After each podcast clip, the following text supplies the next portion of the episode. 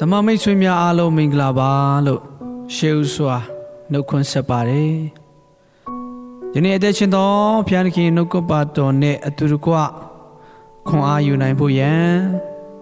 ကျွန်ုပ်တို့ဤအကွယ်အကားဆိုတဲ့ကောင်းစဉ်အောက်မှာအရောက်ချင်းစီတိုင်းကိုခွန်အားပေးခြင်းပါတယ်ဓမ္မရာဆိုရင်ဒုတိယဆောင်အခန်းကြီး20အပိုက်ငယ်31ကိုဖတ်ချင်ပါတယ် ဖျားသခင်စီရင်တော်မူသော အမှုဒီစုံလင်၏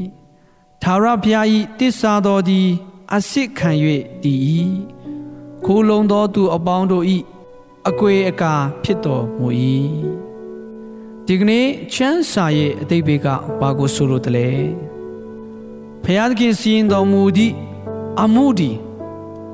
ပူဒီလူဒီမရှိပါ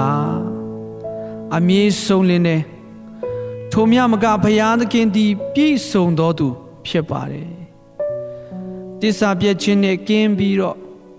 သူဤတစ္ဆာတော်သည်အစစ်ခံ၍တည်သည်ခိုးလုံသောသူတို့ကိုလည်း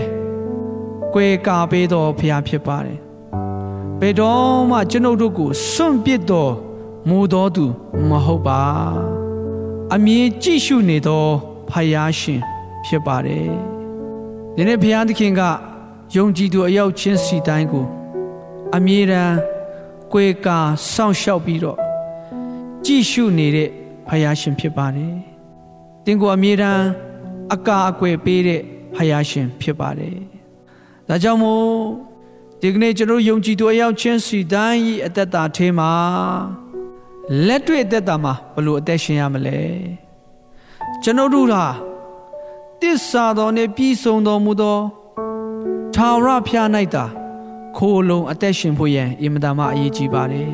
။ဒါကြောင့်တစ္ဆာတော်နှင့်ပြည်စုံသောထာဝရဖျား၌အမြဲတမ်းခိုးလုံတော်သူဖြစ်ဖို့ရန်အတွက်လည်းအားပေးလိုပါတယ်။ဒါကြောင့်မို့ယုံကြည်သူရောက်ချစ်စီတိုင်းအတွက်ကျွန်တော်ဆုတောင်းပေးချင်ပါတယ်။မြတ်တော်ရှင်ဖျား ယုံကြည်သူများ၏အသက်တာသည်ကိုရော၌ခိုလုံတတ်စေတော်မူပါကိုရောစီရင်တော်အမှုကိုလက်ခံတော်သူများဖြစ်စေတော်မူပါ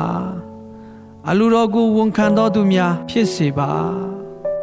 လက်တော်ထဲမှာဆက်ကပ်ပါတယ်ဂျေဇုရှင်အဖာကျွန်တော်တို့အသက်တာထဲမှာကိုရောပြုတော်အမှုကိုဝန်ခံတော်သူဖြစ်စေပါ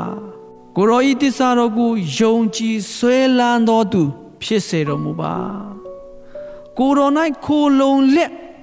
ဘုံတော်ထရှားစေတော်သူဖြစ်စေတော်မူပါလက်တော်ထဲအပ်ပါတယ်